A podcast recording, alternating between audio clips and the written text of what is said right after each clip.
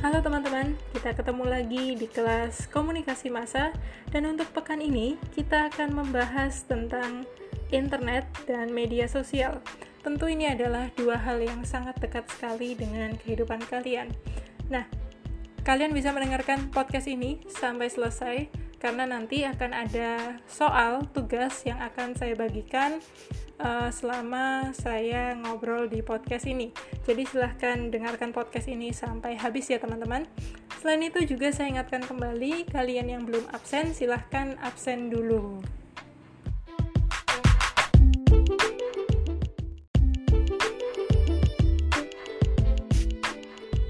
Marshall McLuhan teman-teman pernah menulis sebuah buku dan di dalamnya dia menuliskan um, teorinya bahwa media itu suatu hari nanti membuat dunia itu semakin menyusut atau dalam arti uh, dalam artian orang-orang itu makin terlibat urusan satu sama lainnya meskipun mereka terpisah secara geografis.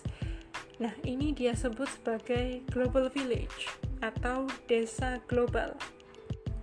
Um, pandangannya Marshall McLuhan itu merujuk bahwa meskipun kita tinggal di tempat yang berbeda dan itu saling berjauhan jauh banget dengan orang-orang lainnya tapi kita itu bisa membicarakan satu hal yang sama. Kita bisa um, berdiskusi satu hal yang sama dan itu um, di mana pun tempatnya orang-orang uh, orang sorry manusia di bumi ini ya di mana pun tempat dia tinggal, negara mana pun, mereka bisa mendiskusikan satu hal yang sama ini. Nah, kesamaan itu yang kemudian um, menjadi bagian dari desa global. Nah, teman-teman, pandangannya Marshall McLuhan itu sebenarnya um, bisa dibilang mampu memprediksikan um, kejadian ataupun um, media ya teman-teman media hari ini namun tentu ada banyak hal yang di luar uh, nalarnya si Marshall McLuhan tentu saja karena Marshall McLuhan itu menulis tentang desa global itu sudah lama sekali teman-teman. Nah, di era Marshall McLuhan menulis itu tentu belum ada yang namanya Instagram, belum ada yang namanya Facebook gitu ya. Dan Marshall McLuhan juga pasti uh, tidak membayangkan, tidak pernah terpikir gitu ya bahwa ada orang-orang yang bisa merasa terhibur ketika nonton video jerawat dipencetin seperti itu. Nah, itu adalah kelakuan kita hari ini teman-teman. Kita menonton video-video yang disebut dengan video satisfying ya. Itu uh, video-video uh, yang ter terlihat aneh tapi entah kenapa itu membuat kita terli uh, terhibur gitu ya. Nah, um, dinamika-dinamika seperti inilah yang sebenarnya tidak terfikirkan oleh Marshall McLuhan saat itu. Tapi pada intinya, um, apa yang kita hadapi hari ini, teman-teman, itu secara garis besar um, sudah pernah disampaikan Marshall McLuhan melalui bukunya.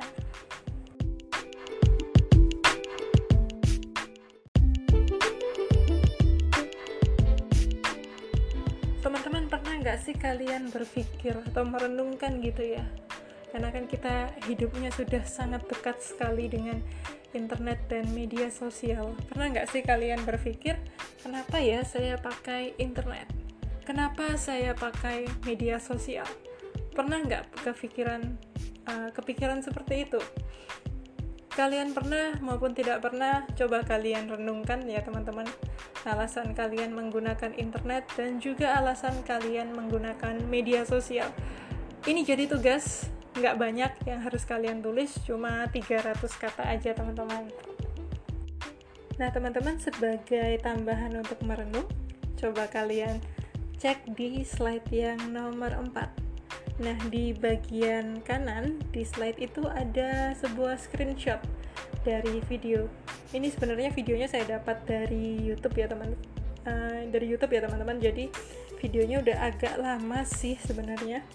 Video ini uh, kurang lebihnya menyindir ya, teman-teman, menyindir eh, pengguna-pengguna uh, media sosial yang kemudian uh, sangat berbeda sekali gitu ya perilakunya yang ditampilkan di media sosial dengan yang ada di uh, sesungguhnya mereka perilaku mereka yang sesungguhnya dengan perilaku yang dia tampilkan di media sosial. Nah, kalau di foto itu yang di sebelah kanan itu ada uh, pasangan gitu ya teman-teman. Nah, si ceweknya ini sebenarnya dia udah bangun, dia udah bangun duluan. Nah, setelah dia bangun dia itu lari ke apa namanya ke kamar mandi gitu ya. Dia dia cuci muka kemudian dia kasih make up sedikit dia atur rambutnya. Lalu kemudian dia balik ke tempat tidur dan dia selfie. Lalu diunggah ke Instagram dan di uh, captionnya ya di tajuknya itu dia tulis I woke up like this atau saya bangun kayak gini loh uh, udah cantik uh, udah flawless gitu ya. Uh, nggak ada kantong mata nggak ada iler gitu ya. Rambutnya rapi seolah-olah dia uh, bangun itu emang sudah cantik seperti itu atau sudah uh, sudah dandan seperti itu. Nah ini sebenarnya adalah peristiwa yang sering sekali kita temui hari ini. Saya ketemu banyak sekali orang-orang yang kemudian mereka itu sangat berpikir sekali tentang konten-konten yang ia ingin bagikan di media sosial bukan karena uh, permasalahan keamanan ya atau keamanan privasi gitu ya tapi lebih ke arah dia itu nggak mau uh, terlihat jelek di media sosial. Ada yang foto sampai ratusan kali puluhan kali dan kemudian yang diunggah cuma satu gitu.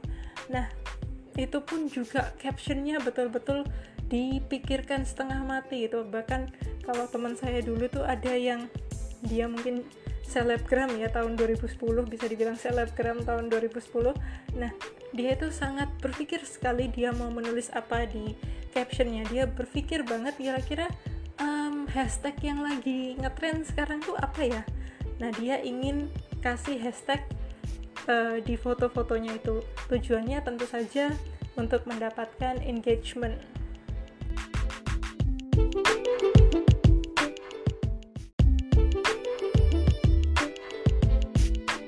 Tadi di awal sudah saya sampaikan bahwa menurut Marshall McLuhan, orang-orang di dunia ini meskipun secara fisik mereka itu berada di lokasi geografis yang berbeda-beda atau mereka itu terpisah gitu ya secara letak geografisnya. Tapi mereka bisa membahas hal yang sama mereka bisa berdiskusi hal yang sama mereka bisa sepakat pada um, satu tanggapan yang sama.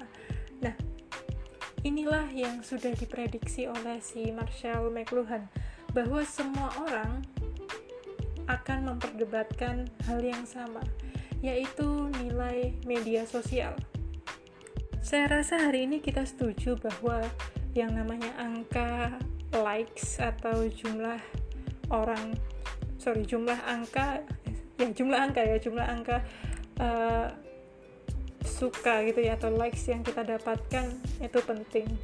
Tidak hanya itu, tapi juga jumlah followers itu juga kita anggap penting. Bahkan jumlah orang yang menonton video atau jumlah orang yang streaming uh, video streamingnya berapa kali itu ya video musik film maupun apa pun ya teman-teman konten apa pun hari ini kita menganggap itu adalah hal yang penting.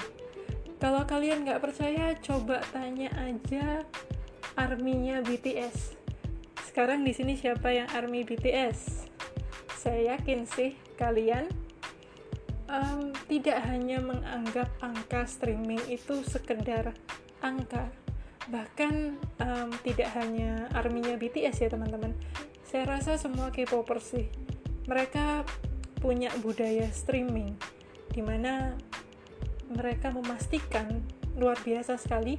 Bahkan yang saya paham yang saya perhatikan tuh ya arminya BTS tuh mereka memperhatikan betul cara-cara agar streamingnya mereka itu bisa terhitung oleh sistem.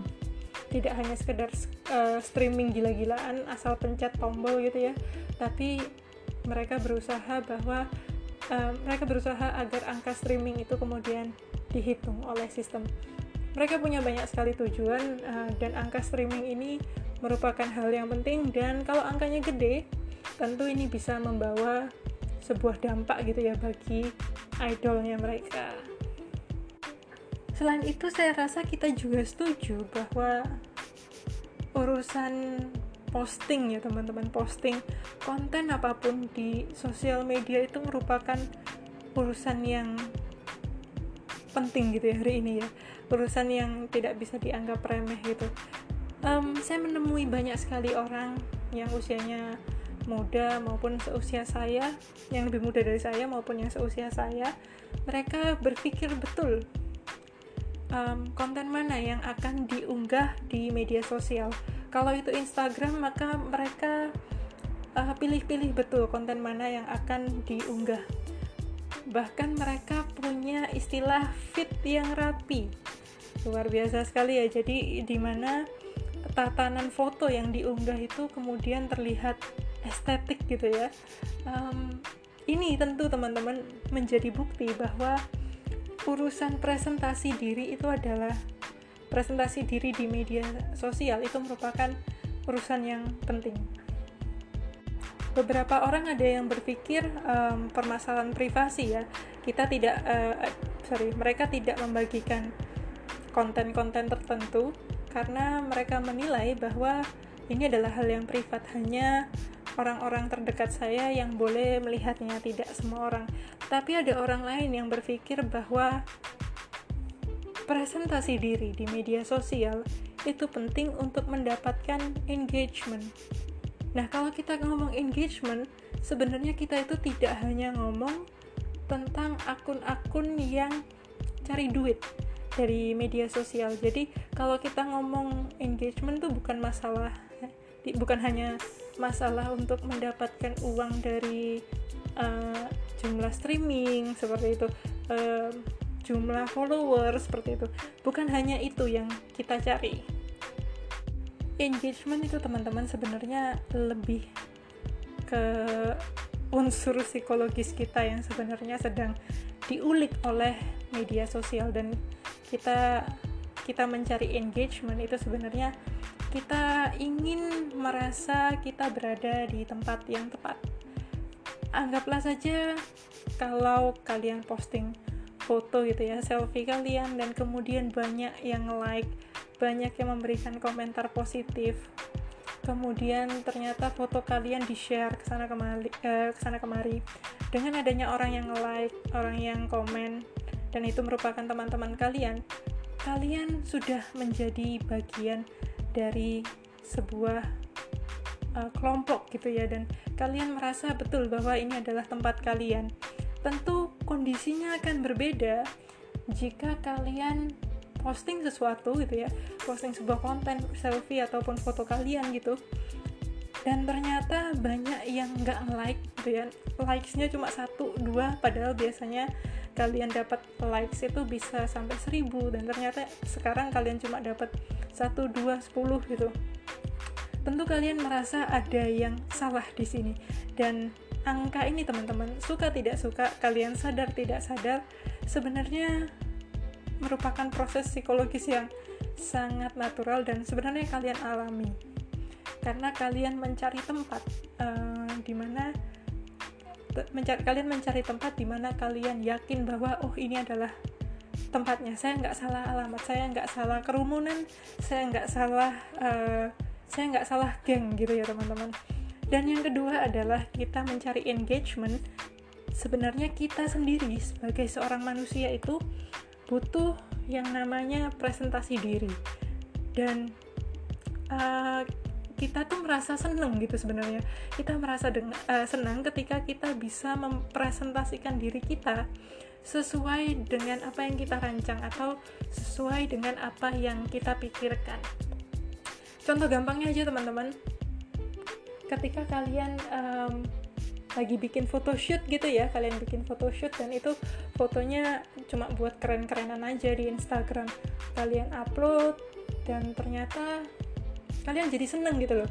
Kalian sangat menyukai prosesnya karena kalian cari baju sendiri kalian memilih uh, setnya sendiri memilih backgroundnya sendiri bahkan kalian juga ikut serta dalam proses editing foto tersebut. Dan ketika diupload ternyata banyak yang suka. Wah itu kalian semakin happy. Nah inilah juga uh, alasannya kenapa kadang kita itu seneng aja buka profil kita sendiri di Instagram di Facebook kalau kalian masih main Facebook di Twitter maupun di uh, media sosial lain yang kita gunakan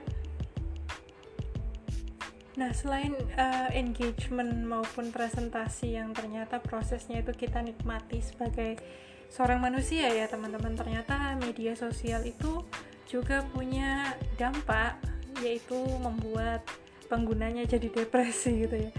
Ini ada sebuah penelitian, teman-teman, um, di mana ternyata orang-orang yang menghabiskan waktu lebih banyak mainan Facebook atau mengakses Facebook itu bisa itu bisa mengalami uh, yang namanya de uh, Facebook depression atau depresi gara-gara uh, Facebook dan juga uh, Facebook Facebook envy um, atau di mana orang uh, pengguna Facebook itu kemudian merasa iri gitu iri gitu ya dengan postingan-postingan uh, maupun konten yang dibuat oleh orang lain uh, orang lain ya teman-teman. Um, saya rasa ini penelitian yang bisa kita aplikasikan di media sosial lain ya. Meskipun kalian nggak pakai Facebook tapi saya rasa dampak itu ya dampak yang di uh, dibuat oleh Twitter maupun Instagram maupun media sosial lainnya itu sama aja. Bisa bikin kita depresi karena kita merasa kita hidup di bawah standar orang yang kita tonton di Facebook di Instagram maupun di YouTube. Kalau kita keseringan nonton um, kita keseringan terpapar gitu ya dengan video-video uh, foto pengguna Instagram lain yang ya emang kerjaan dia itu liburan gitu loh atau kerjaan dia memang berpindah-pindah tempat dan kebetulan dia sempat foto gitu nah kita bisa merasa iri teman-teman merasa iri seperti kayaknya dia bisa liburan ya kok kayaknya saya nggak bisa ya Nah, kemudian jadi pemicu depresi. Nah, itu bisa terjadi teman-teman dan ternyata ada loh penelitian yang me membuktikan hal tersebut. Selain dari dua hal ini tadi, dua hal negatif ini tadi, ada hal lain yang kemudian uh, muncul, dampak lain yang muncul karena penggunaan media sosial, yaitu isolasi. Nah, ternyata kita tuh kalau ketemu uh, sorry kalau kita tuh banyak menggunakan media sosial um, meskipun followers kita itu 2000, 10.000, 1 juta, kita masih bisa merasa kesepian. Karena kita mulai um, kita mulai mulai merasa ya teman-teman bahwa ternyata followers dengan teman itu berbeda. Teman dalam kehidupan uh, kehidupan nyata ya. Nah ternyata media sosial ini bisa memicu yang namanya isolasi diri. Nah kalian yang um, sering main sosial media dan kemudian semakin jarang uh, bersosialisasi dengan teman-teman kalian. Di kehidupan nyata mulai sekarang diimbangi ya teman-teman. Nah teman-teman dengan banyaknya uh, dampak negatif gitu ya yang muncul karena penggunaan media sosial kita jadi uh, menimbang-nimbang nih ya. Kita bisa jadi menimbang-nimbang sebenarnya sosial media itu atau media sosial itu buruk atau baik ya? Ataukah media sosial itu sebenarnya akar dari semua permasalahan yang kita alami hari ini? Ternyata enggak teman-teman. Ada ahli yang berpendapat bahwa sebenarnya media sosial itu hanya sebagai alat belaka. Ya cuma alat aja. Tapi kemudian kalau penggunaannya keliru maka ada orang-orang yang kemudian mengalami dampak negatif. Tapi kalau uh, penggunaannya benar maka nggak masalah gitu. Justru membawa untung gitu ya teman-teman. Atau membawa sebuah manfaat. Karena kan kalau alat itu ya tujuannya untuk membantu pekerjaan kita. Nah ini adalah sebuah pendapat bahwa media sosial itu sebenarnya bukan akar dari, uh, dari permasalahan kita merasa depresi kita merasa uh, iri dengan kehidupan lain bahkan kita merasa uh, terisolasi gitu ya teman-teman.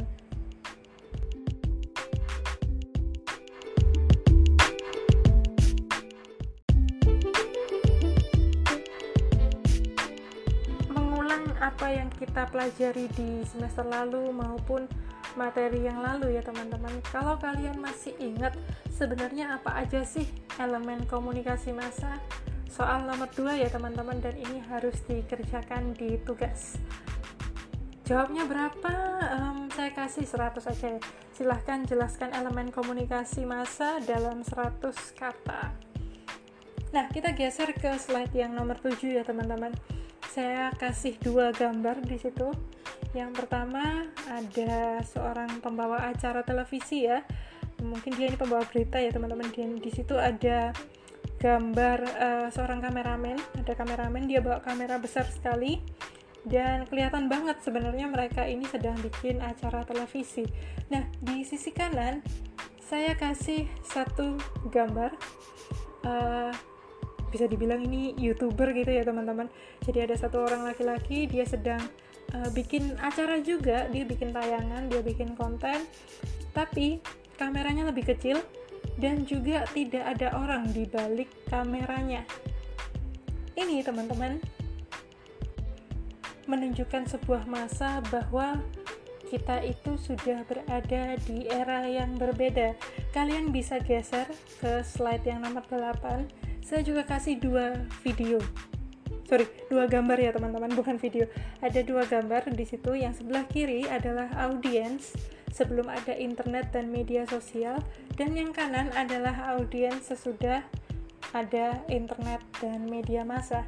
Dua gambar ini nyambung dengan gambar yang di slide nomor 7 kalau sebelum ada media massa uh, sebelum ada internet juga ya teman-teman untuk uh, membuat tayangan yang bentuknya itu uh, multimedia ya seperti di televisi. Jadi ada suaranya ada gambarnya atau ada videonya gitu ya.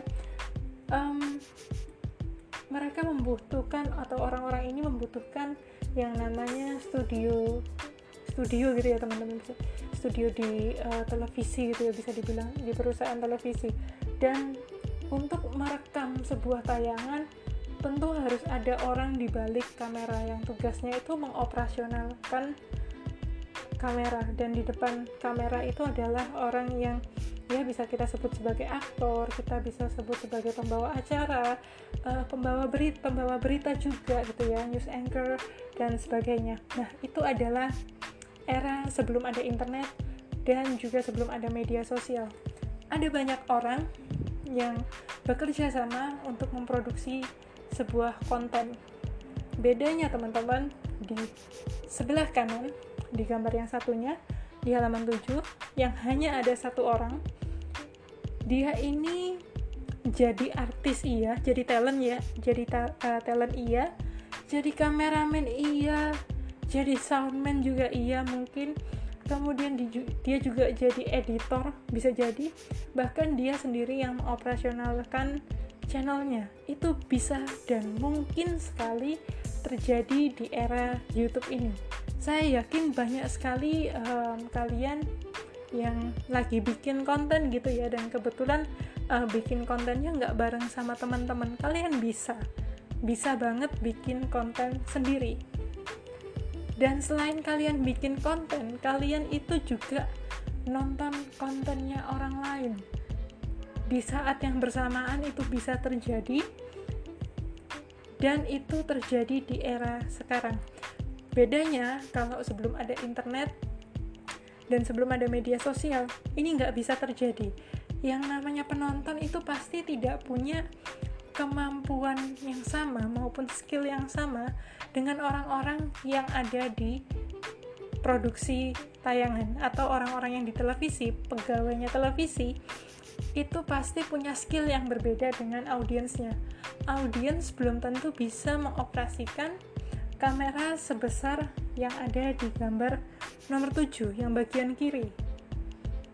Mungkin uh, kalau audiens nggak bisa gitu ya. Kalau hari ini kalian bisa geser ke halaman eh, ke slide yang nomor 8 di foto yang sebelah kanan. Mungkin ada yang masih ingat ini siapa? Ini adalah Bro Jabro ya teman-teman. Dia um, viral ya teman-teman waktu aksi demo saat itu demo mahasiswa saat itu. Dia terkenal dan sampai sekarang saya rasa dia masih jadi selebgram ya. Nah inilah um, audiens di era internet dan media sosial.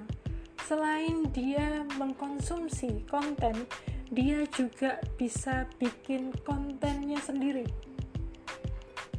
Dia bisa um, jadi prosumer atau hari ini kalau bahasa Inggrisnya ya namanya user generated content. Nah ini menjadi perubahan elemen komunikasi massa karena adanya internet. Internet dan media sosial itu kemudian um, jadi mendefinisi ulang gitu ya teman-teman antara audiens dan juga produsen konten. Kalau zaman sebelum ada internet ya audiens itu ya cuma audiens gitu. Dia cuma meng mengkonsumsi tayangan sedangkan produsen ya dia uh, yang ber yang bertugas meng jadi kreator gitu ya mengcreate uh, tayangan konten seperti itu. Dan kalau hari ini kita punya handphone aja. Seperti yang saya lakukan hari ini saya bikin podcast ya teman-teman. Saya merekam uh, suara saya menggunakan handphone. Saya juga bisa mendengarkan podcast tentu juga dengan kualitas audio yang lebih baik lagi ya teman-teman uh, di Spotify maupun uh, di di platform yang lain. Inilah yang saya lakukan. Dengan satu gadget saja dengan satu perangkat saya bisa menjadi konsumen dan saya juga bisa menjadi produsen sebuah konten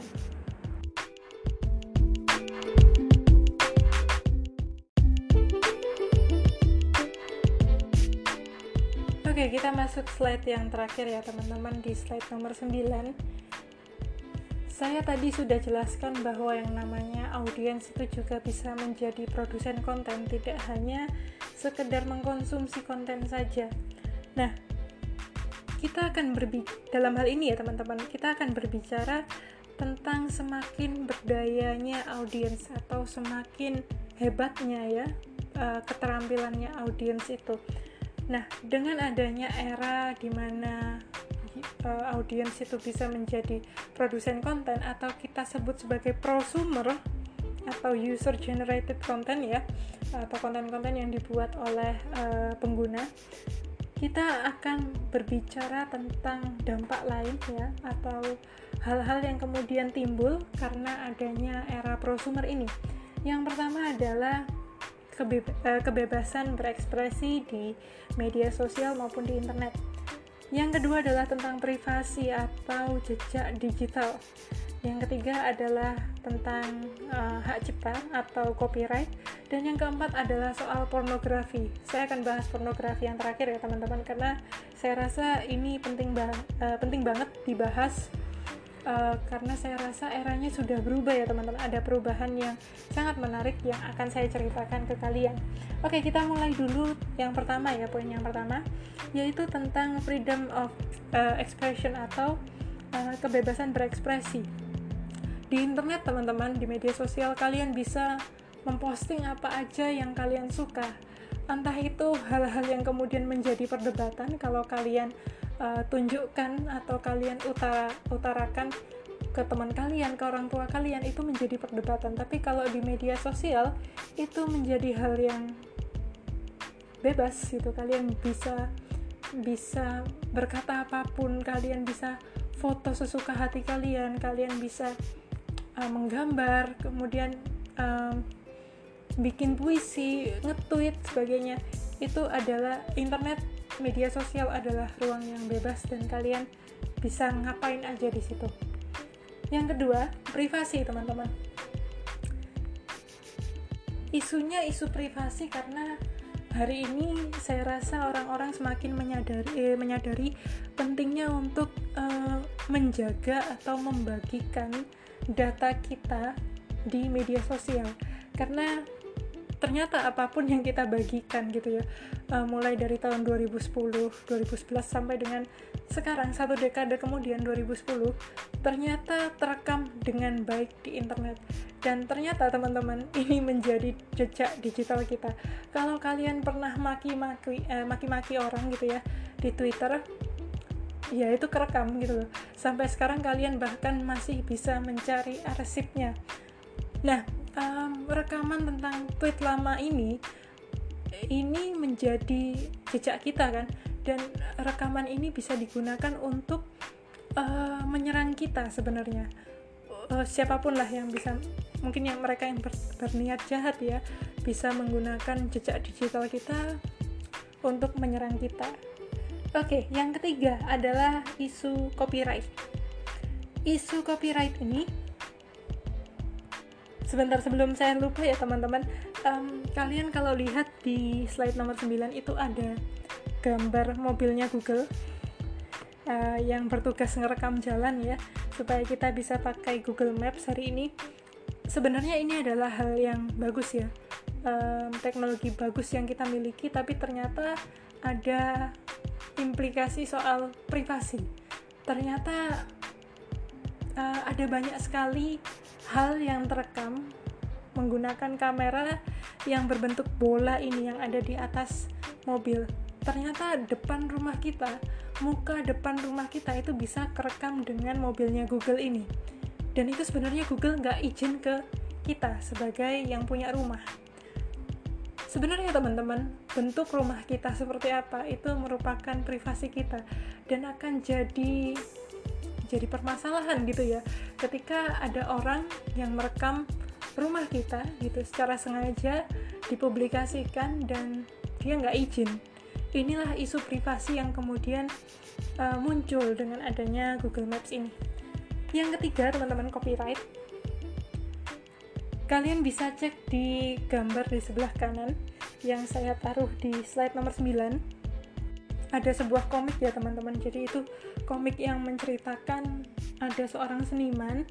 Dia seniman muda Indonesia. Gambarnya bagus sekali ilustrator ya. Nah, dia itu seorang ilustrator.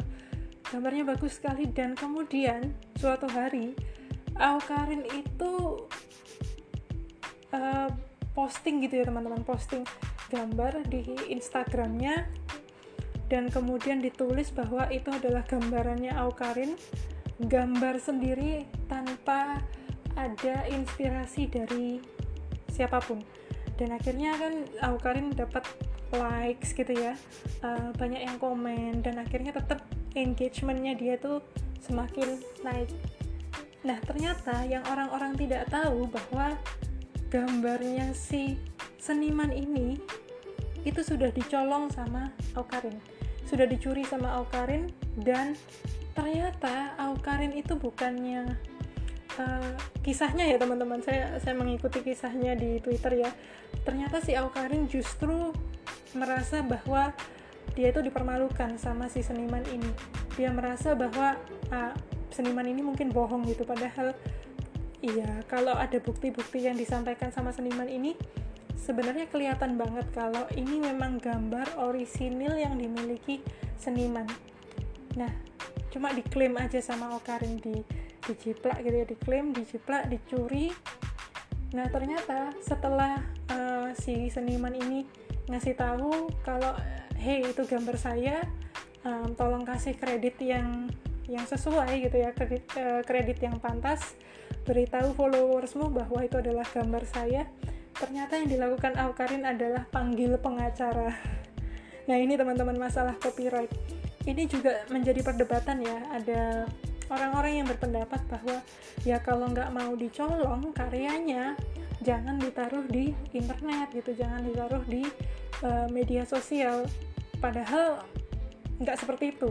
Uh, media sosial itu kan maupun internet ya kembali pada poin yang pertama adalah ruang untuk berekspresi. Kita bisa ngapain aja di situ dan ya memang ada konsekuensinya tapi seharusnya kita sebagai pengguna internet itu memiliki etika dalam menggunakan internet maupun dalam menggunakan media sosial. yang keempat yang terakhir teman-teman soal pornografi jadi ketika era prosumer ini um, pornografi itu mendapatkan ruang yang ruang yang istimewa ya teman-teman kalau uh, sebelum era OnlyFans ya kalau kalian pernah dengar uh, saya dengar OnlyFans itu dari Twitter. Dan ternyata saya baru tahu banyak sekali kreator-kreator uh, konten dewasa itu yang uh, jualan konten di OnlyFans. Kalau zaman dulu teman-teman jadi masalah banget. Ketika kalian foto ketika ada anaknya siapa pun usianya masih muda gitu uh, kepergok foto pakai bikini doang gitu atau pakai uh, baju yang memperlihatkan perut gitu ya. Kalau untuk yang cewek-cewek itu jadi masalah banget. Um, dan orang tuanya bisa malu kemudian ya bisa panjang lah. Intinya eh, konten-konten uh, dewasa jika dibuat oleh orang-orang yang bukan uh, aktor maupun aktris konten dewasa gitu ya itu akan jadi masalah banget bukan ketika kita bukan aktor atau aktris, uh, aktris film porno yang kita bikin konten porno ternyata itu jadi masalah. Kalau zaman dulu. Nah sekarang teman-teman eranya OnlyFans. OnlyFans ini sama seperti uh, Instagram dan lain-lainnya ya seperti media sosial lainnya. OnlyFans ini mengizinkan mengizinkan kita sebagai orang yang audiens gitu ya untuk membuat konten kita sendiri. Hebatnya OnlyFans itu uh, bisa ada apa namanya skema skema jualan gitu ya skema jualan kontennya. Nah hari ini teman-teman saya rasa kalau kalian buka Instagram gitu ya terutama um, influencer dari luar negeri itu negara mana pun saya rasa banyak sekali mereka tuh uh, bikin konten yang cuma pakai bikini gitu ya tapi nggak lagi di pantai. Mereka uh, pamer underwear gitu ya. Laki mau laki uh, laki-laki maupun perempuan mereka bisa bikin konten seperti itu. Dan konten seperti itu teman-teman hari ini dianggap sebagai body positivity atau uh, sikap positif kita dalam um, melihat tubuh kita gitu ya menerima tubuh kita. Atau kalau yang lebih ekstrim lagi gitu ya yang lebih terbuka lagi ternyata bisa dijual. Dan ternyata hari ini audiens itu uh, melihat konten dewasa itu bukan hal yang memalukan tapi justru konten yang mendatangkan uang.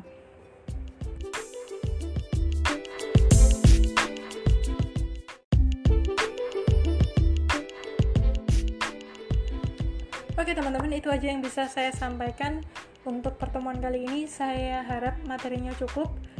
Dan um, selain itu silahkan dikerjakan eh, soal-soal yang ada. Silahkan dikerjakan tugasnya. Dan jangan lupa diunggah di Bella. Kita ketemu lagi minggu depan dengan tema yang baru. Sampai jumpa